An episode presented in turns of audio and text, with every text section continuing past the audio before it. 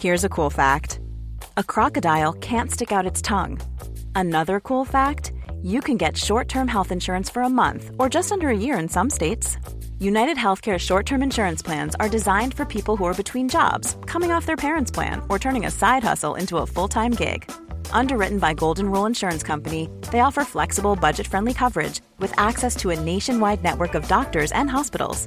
Get more cool facts about United Healthcare short term plans at uh1.com. Planning for your next trip? Elevate your travel style with Quince. Quince has all the jet setting essentials you'll want for your next getaway, like European linen, premium luggage options, buttery soft Italian leather bags, and so much more. And is all priced at 50 to 80% less than similar brands. Plus, Quince only works with factories that use safe and ethical manufacturing practices. Pack your bags with high-quality essentials you'll be wearing for vacations to come with Quince. Go to quince.com slash pack for free shipping and 365-day returns.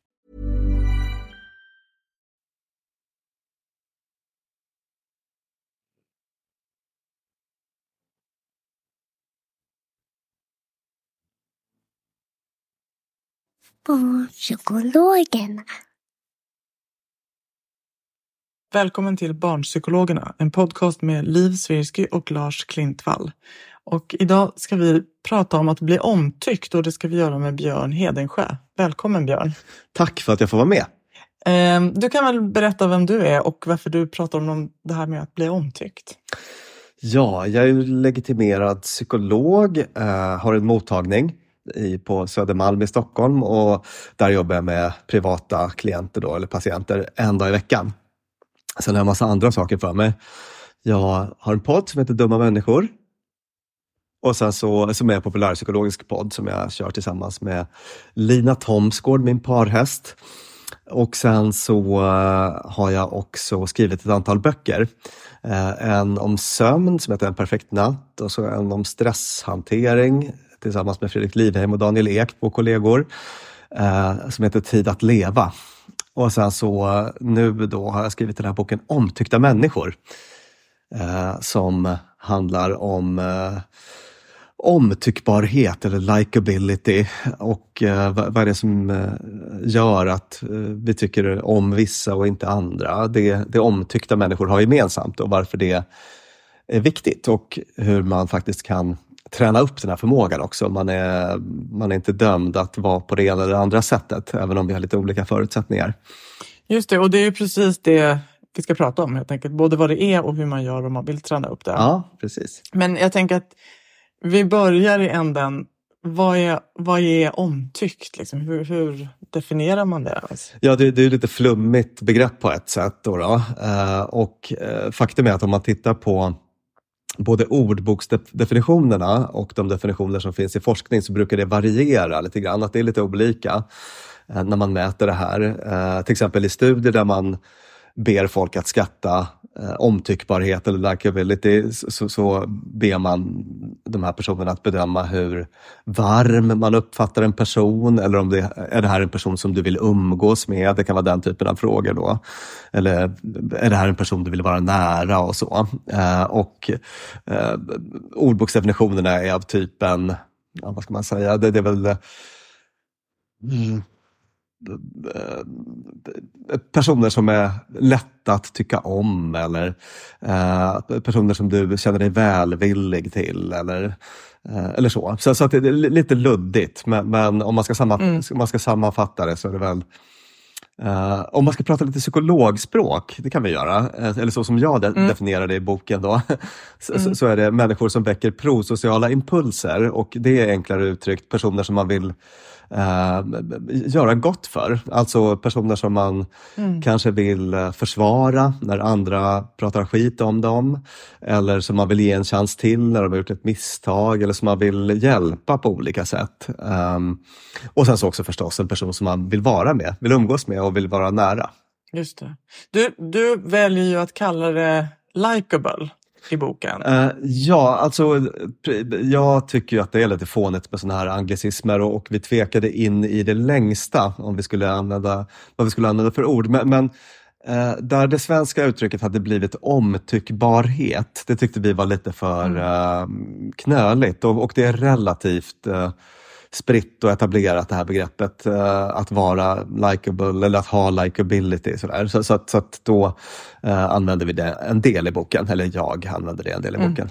Men det är väl ändå en betoning på just, alltså omtyckt är ju eh, på något sätt andras bedömning. Ja, just Medan likable blir ju på något sätt mer av ett beteende, Sant. omtyckbar ja. eller någonting som man liksom... Just det. Och det är väl just det du betonar i boken också, ja. att det ska vara något Uh, Något som man kan göra lite grann. Uh, verkligen, jag betonar det väldigt mycket. Så att, att det, uh, det här med våra beteenden är ju något som vi kan välja i, i, ganska stor utsträckning. Att sätta en fot framför den andra och säga tack eller vad det nu kan handla om. Tankar och känslor har vi inte så himla bra styr på. De kommer att gå lite som de vill. men, men våra beteenden har vi eh, makt att påverka och eh, faktum är ju, eller det är verkligen min tes i boken, att, att eh, vi brukar prata om det här i väldigt luddiga termer. Alltså om man träffar någon person och bara, men, dålig energi. Jag tyckte han hade dålig energi eller så här, negativ energi från den här tjejen eller så. Och även jag använder sånt språk i, i vardagligt bruk, kanske om någon som jag träffar på en fest eller så. Men om man skulle sätta en kamera på den här personen så kan man mm. garanterat avkoda massa eh, beteenden, stora och små. Saker den här personen säger eller gör med kroppsspråk eller vad det nu kan handla om som gör att jag uppfattar den personen på det sättet. Eh, och i och med att mm. det är sånt som man faktiskt skulle kunna fånga på filmkamera så är det också sånt som man själv kan jobba med och utveckla. Men du, varför är det viktigt då att vara eh, likable? Ja, alltså jag har snuddat vid det i inledningen att livet blir mycket mer räkmacka. Uh, just det här att andra kommer att steppa upp för dig på, på olika sätt och hjälpa till, ge dig en chans till och bemöta dig på ett, på ett mycket för dig behagligare sätt. Eh, men om man tittar på specifik forskning så fast, finns det också en hel del intressanta studier. Till exempel att det är, det är till exempel en bra strategi när man söker jobb, eh, såg jag en sån studie. Eh, att att jobba med de här omtyckbarhetsbeteendena då i, när, man, när man träffar arbetsgivare och så. Det är en, det, det, är bra i kärleksrelationer, att det ökar, förbättrar prognosen för en eh, långsiktigt hållbar eh, kärleksrelation. Om, om en part är det, med, med, med ganska mycket, och om båda eh, personerna är omtyckbara ännu mer. Då. Uh, mm. En studie som jag studsade till lite på var också bemötande i vården. Att man Eh, man tänker sig att vården ska vara någon typ av väldigt eh, jämlik och rättvis institution, eller så vill man ju att det ska vara förstås. Men, men även där har man sett att, att folk som är omtyckbara får bättre bemötande på olika sätt. Det var till exempel någon studie med smärtpatienter vars symptom togs mer på allvar då. Eh, om det här samtidigt var mm. personer som skattade högt i sådana här likability-mätningar.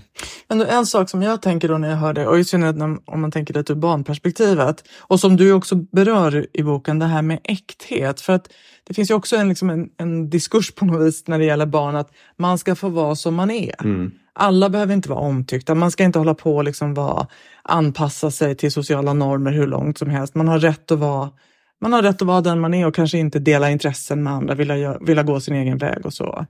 Mm.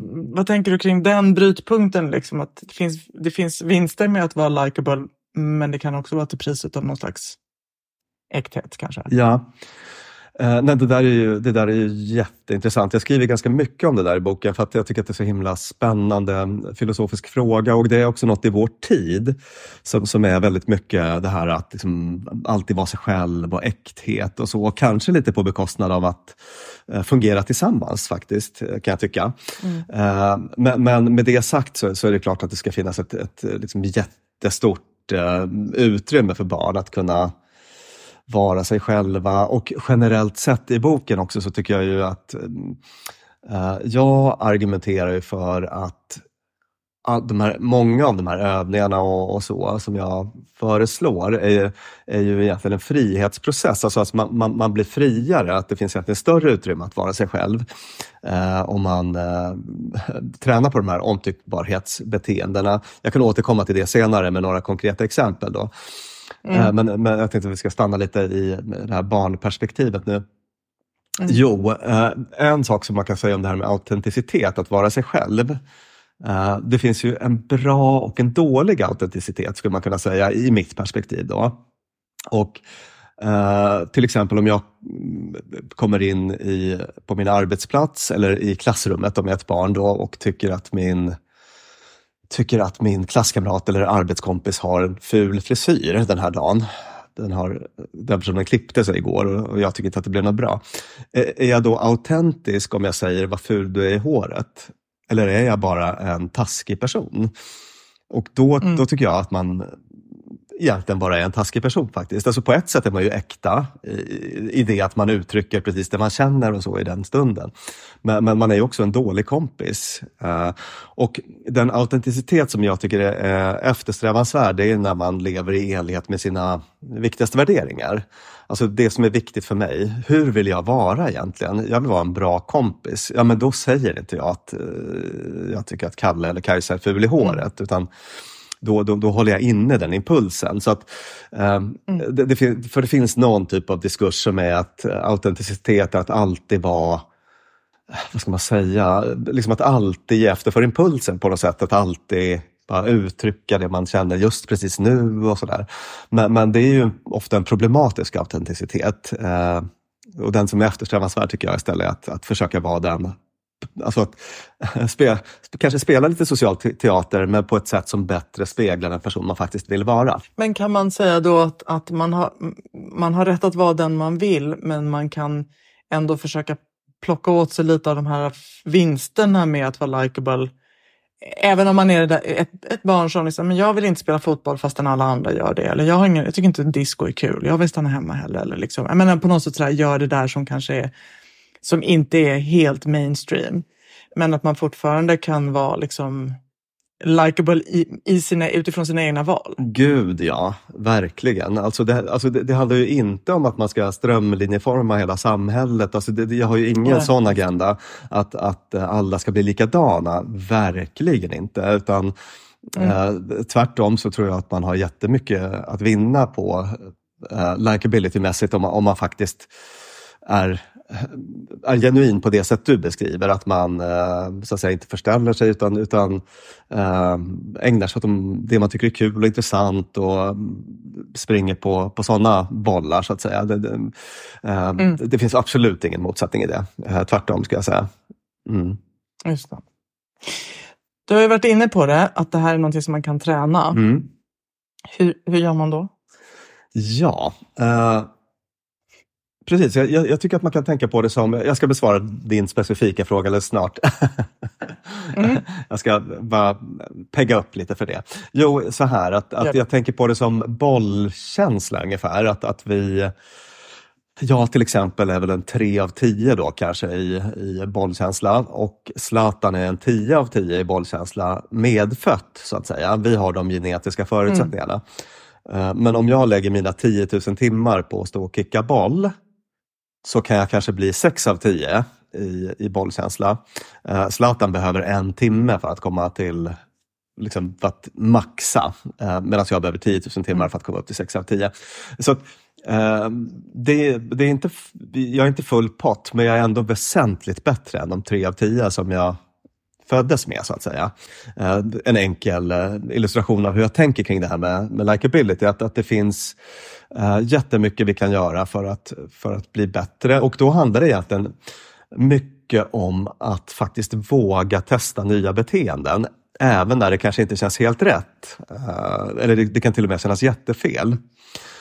Och en bonus med det här är att det faktiskt ger en chansen att vara mer äkta. Och låt mig illustrera det med ett exempel.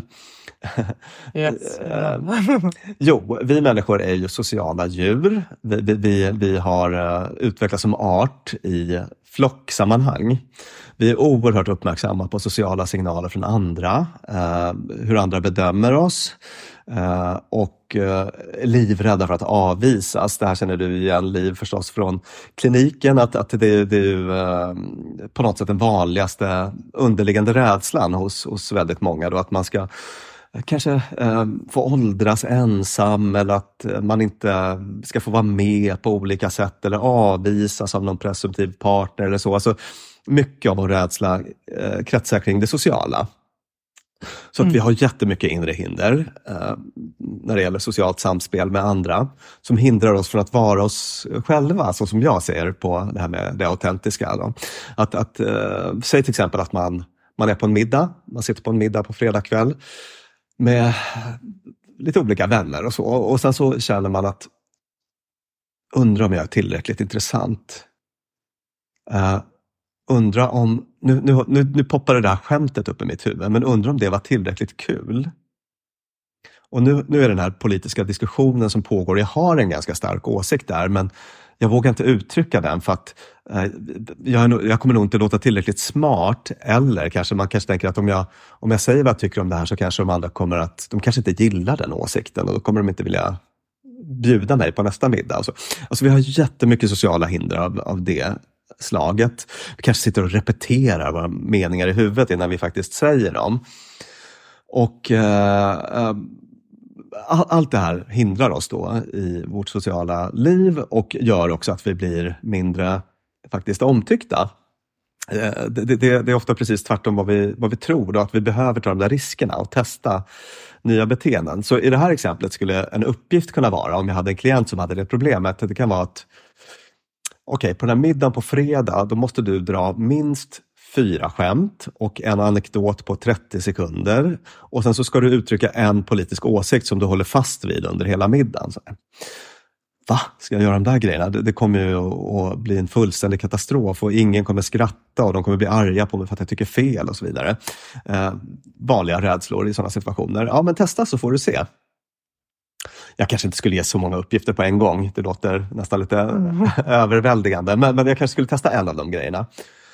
Mm. Och så får den här klienten då gå ut och testa det eh, och upptäcka att inte bara fortsätter jorden att rotera och, och solen gå upp nästa morgon och sådär, utan middagen blev den roligaste på senaste året. För att, för att det blev, ja men folk skratt, kanske alla kanske inte skrattade åt skämtet, men det var några som gjorde det och det blev ett bra snack om kärnkraft och så vidare.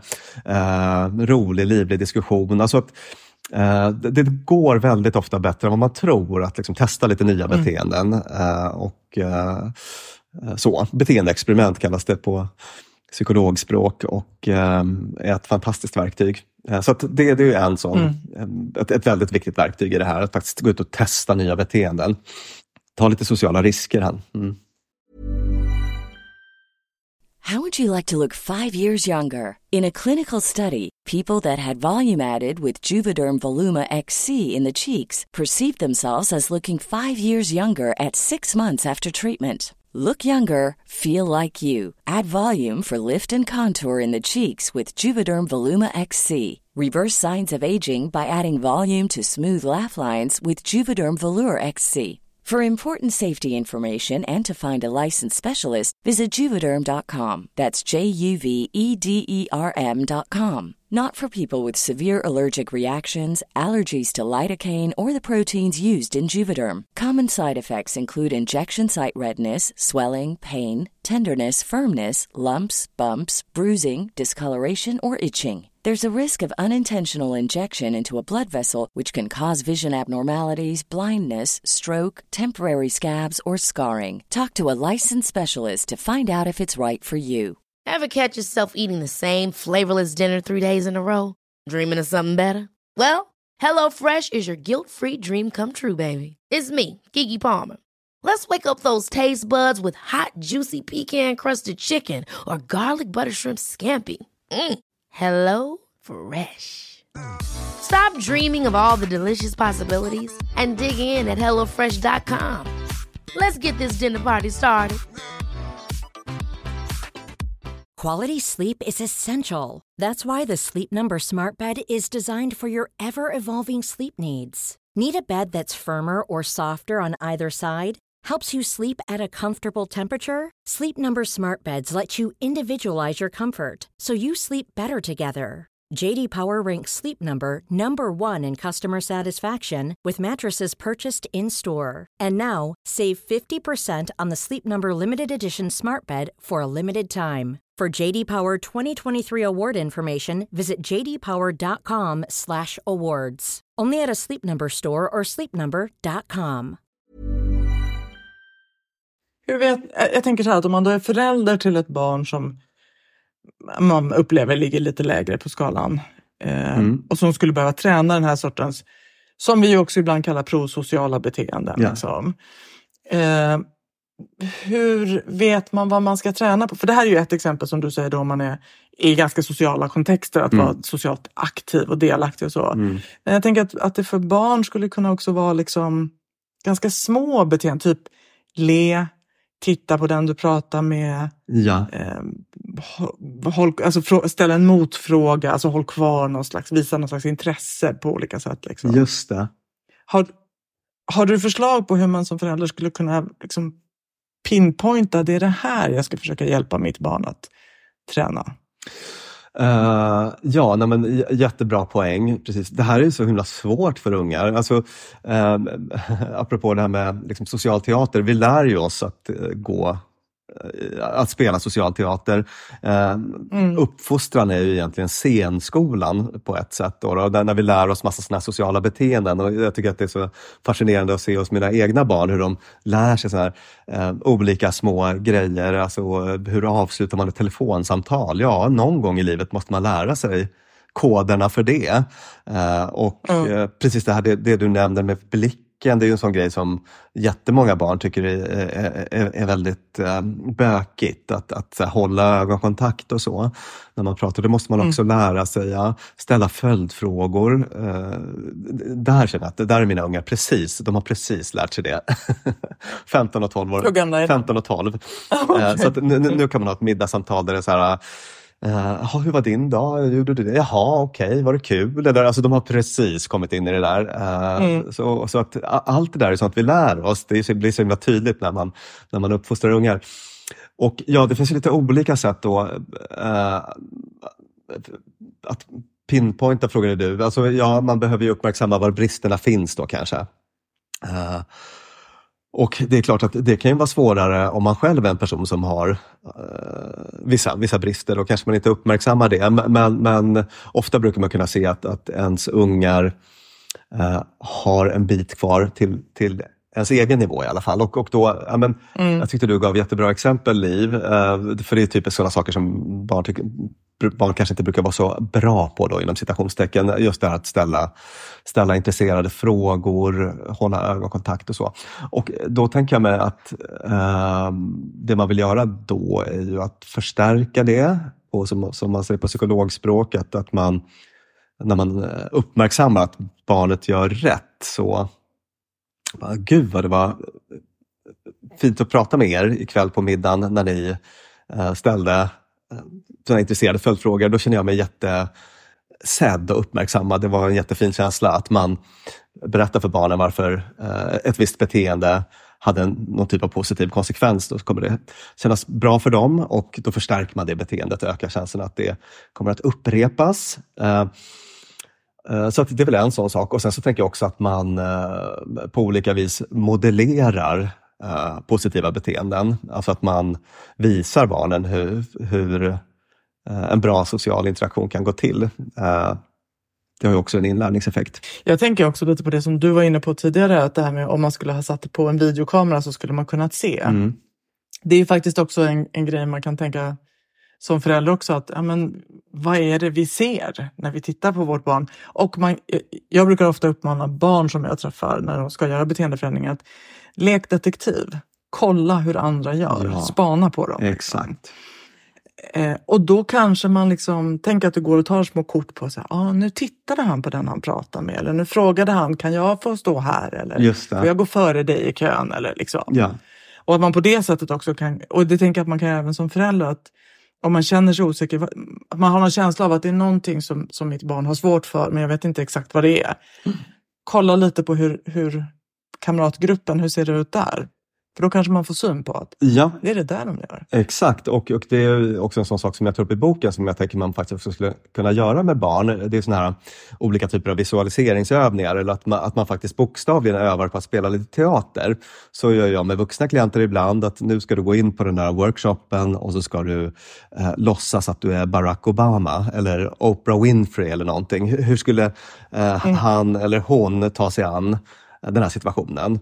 Eh, för att då, då, då, alltså om man går in och spelar lite teater på det sättet, det behöver inte vara någon sån kändis utan det kan också vara någon typ av eh, Pelle i klass 3C.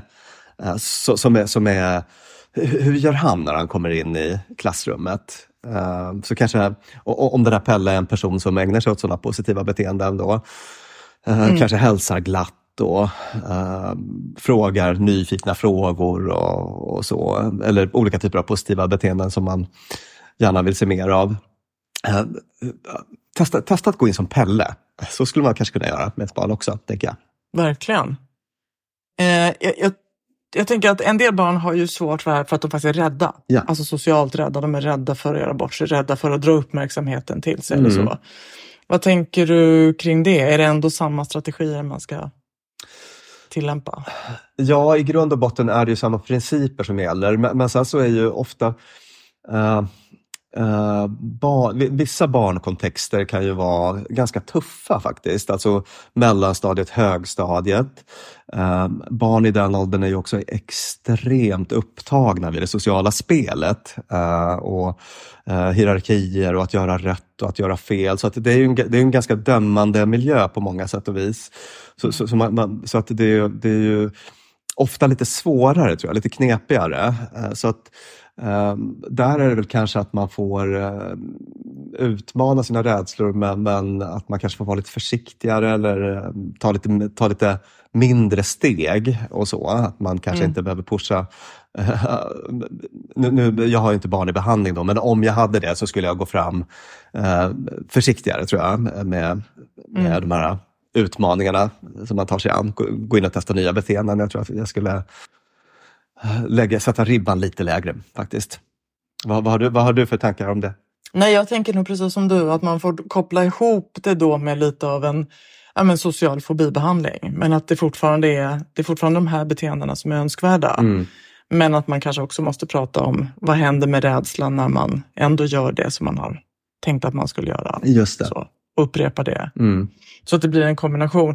Och det är ofta så det ser ut när det är barn med social ångest eller så, att, att det blir en liten kombination av att utsätta sig för det man är rädd för och att träna upp sociala färdigheter. Ja. ja. Så att de där går ju liksom hand i hand. Just det. Sätt. Ja, precis.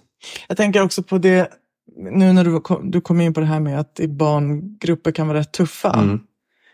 Så tänker jag att den definitionen på snällhet och sådär, det känns som att den förändras under livet. Alltså, att vara omtyckt som barn. Ibland är ju de som är mest omtyckta i en barngrupp de som egentligen är taskigast. Mm. Alltså att det, finns, det finns någon, så kan det säkert vara i vuxengrupper också, men det finns ju någon, kanske i alla fall lite vedertagen sanning om att, liksom, att, att vara snäll är en ganska bra grej mm. hos oss vuxna. Mm. Men hos en del barn så kan jag känna att den som är mest poppis i ett gäng kanske är den som inte alls är, liksom, är den som exkluderar andra. Den som liksom, hör jag, jag blir bjuden mm. men inte du. Eller liksom. Yeah. Yeah. Att det finns någon sån där... Och det där tänker jag är lite knepigt också när man pratar om det här med omtyckbarhet och så. Att om man riskerar, om man, om man liksom pushar sitt barn i den här schyssta riktningen mm riskerar man att barnet blir utsatt då för att då är det lite, lite mesig eller då är liksom mm. förutsägbar eller på något lättlurad. Jag vet inte, kan, liksom, vad, vad, tänker du kring det? Nej, men jag har ganska mycket tankar om det där faktiskt och då skulle jag säga så här att man ska vara det här tar jag också upp i boken, att, att, att vara likable är inte samma sak som att vara liksom väldigt konsensusinriktad eller att vara en person som lägger sig, liksom, ger med sig lätt eller så. Egentligen inte alls faktiskt. Utan, mm. och det finns mycket studier som på olika sätt visar då att, att till exempel Uh, förvisso på vuxna det här, men, men, men att personer som uttrycker sina åsikter, uh, man kanske tänker att om jag är neutral finns ju ingenting att kritisera. Det borde vara bra för mig att vara en neutral person.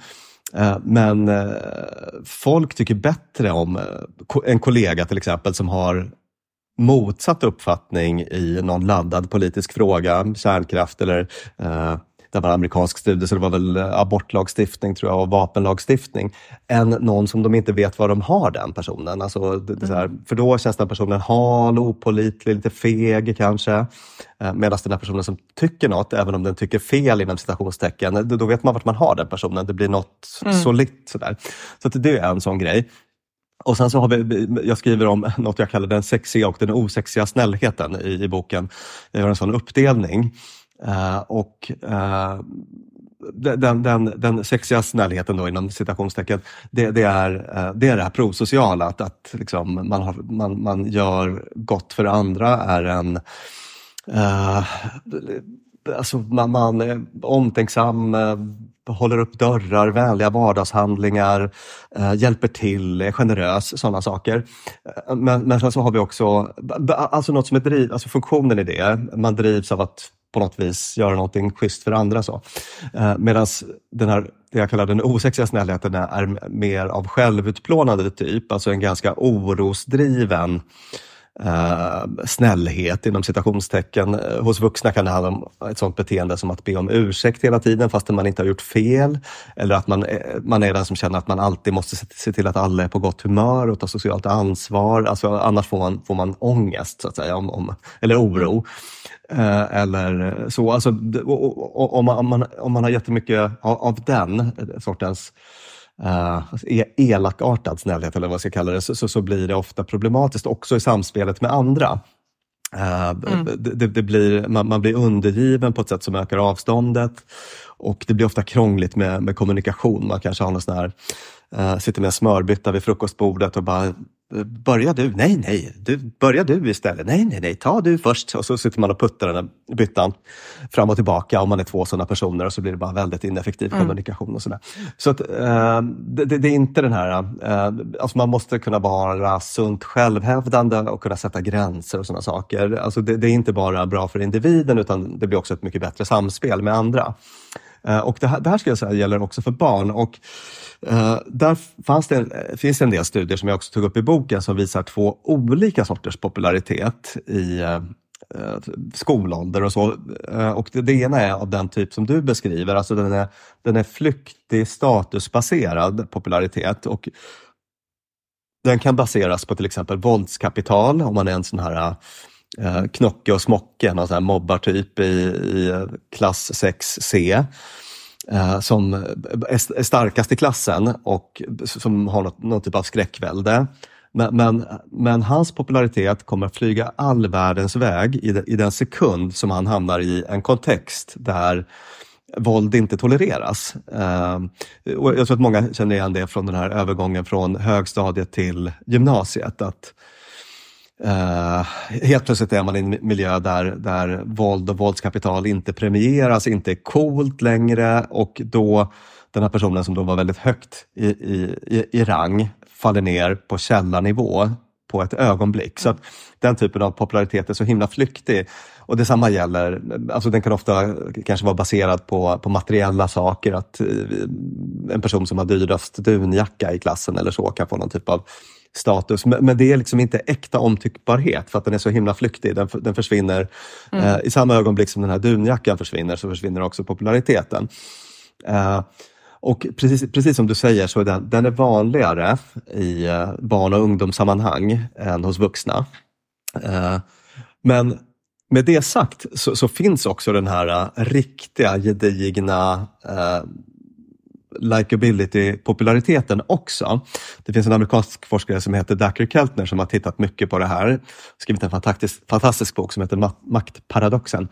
Och i den så refererar han de här studierna som är, om man tittar på grupper av barn och unga, alltså på kollo eller i en klass eller något sommarläger eller vad det nu handlar om. Om man sätter ihop en sån grupp eh, personer så ibland då och då så händer det att det är sådana här otrevliga mobbartyper som, som får någon typ av ledarroll. Men väldigt ofta, faktiskt oftare, så är det en bussig typ som blir informell ledare. Alltså om man frågar folk efter en vecka, vem, vem, vem tycker ni är ledare i den här gruppen, alltså en informell ledare, då, då brukar folk vara väldigt överens. Det är, det är Kajsa som är det eller Kalle. Och, och, så, och så tittar man på vilken typ av beteenden, det är sådana observationsstudier, så tittar man på vilken typ av beteenden Kajsa har ägnat sig åt, eller Kalle. Och då är det ofta prosociala beteenden, alltså mycket så, uh, det här ställer nyfikna frågor, uh, uh, låter andra komma till tals, bryr sig om andra, delar med sig. Så att då, då, då, har de mycket av de där egenskaperna för sig och sen så brukar de i och för sig ofta vara kompetenta också på något sätt. Då, då. Uh, ha någon typ av kompetens uh, som, som mm. andra tycker är häftig eller så. Men, men, men mm. det där prosociala är jätteviktigt. Uh, Mm. Det känns ju, när du säger det så, väldigt hoppfullt. Ja. Eller hur? Det är liksom framtiden är ljus på något sätt. Eh, det är ändå rätt grej som, är, som i slutändan vinner och också vinner med tiden. Ja, verkligen. verkligen. Så att det är en sån grej som jag brukar säga till mina egna barn ibland när de hamnar i det här sociala spelet och så. att, att uh, allt kommer bli bra så småningom. Det är en klen tröst, klen tröst nu kanske. Men, mm. men det är väl så det är för många föräldrar, att man ändå har det perspektivet. Ja. Eh, men jag tänker då faktiskt bara som, som avrundning, Björn, du pratade innan om liksom varför likability är viktigt för individen. Men kan man inte summera lite att det också är viktigt för gruppen, för samhället? Alltså jo. ju fler likable personer vi vi är eller har i ett sammanhang, desto bättre mår alla. Faktiskt, och när jag är som mest pompös, på mitt mest pompösa humör så, så, så tänker jag att det är en lite viktig um, idé jag har med boken. att vi har, Det är något med vår tidsanda som är lite narcissistiskt och det är så himla mycket optimera sig själv och jag vet inte, uh, selfies och så. Och bara liksom tänka lite på hur man är med andra. Uh, jag tänker att vi skulle kunna göra det lite mer kanske. Jag tycker det låter som en väldigt bra ambition och värdering. Mm. Tack. Eh, och för er då som vill läsa boken Omtyckta människor, forskningen, knepen och övningarna som gör dig likeable av Björn Hedensjö. Ja. Tack Björn för att du var med oss och berättade om det här. Tack för att jag fick vara med. Och tack ni som har lyssnat. Ett nytt avsnitt kommer snart. Till dess kan ni följa oss på Facebook där vi heter Barnpsykologerna och på Instagram där vi heter Barnpsykologerna understreckade podd. Tack, hej!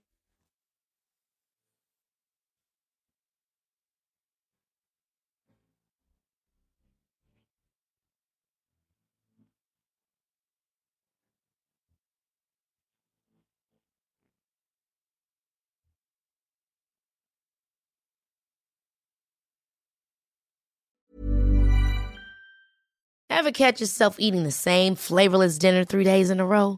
Dreaming of something better? Well, HelloFresh is your guilt-free dream come true, baby. It's me, Gigi Palmer. Let's wake up those taste buds with hot, juicy pecan-crusted chicken or garlic butter shrimp scampi. Mm. Hello Fresh. Stop dreaming of all the delicious possibilities and dig in at HelloFresh.com. Let's get this dinner party started. Imagine the softest sheets you've ever felt. Now imagine them getting even softer over time. That's what you'll feel with Bowl and Branch's organic cotton sheets. In a recent customer survey, 96% replied that Bowl and Branch sheets get softer with every wash. Start getting your best night's sleep in these sheets that get softer and softer for years to come. Try their sheets with a 30-night guarantee. Plus, get 15% off your first order at bowlandbranch.com. Code BUTTERY. Exclusions apply. See site for details.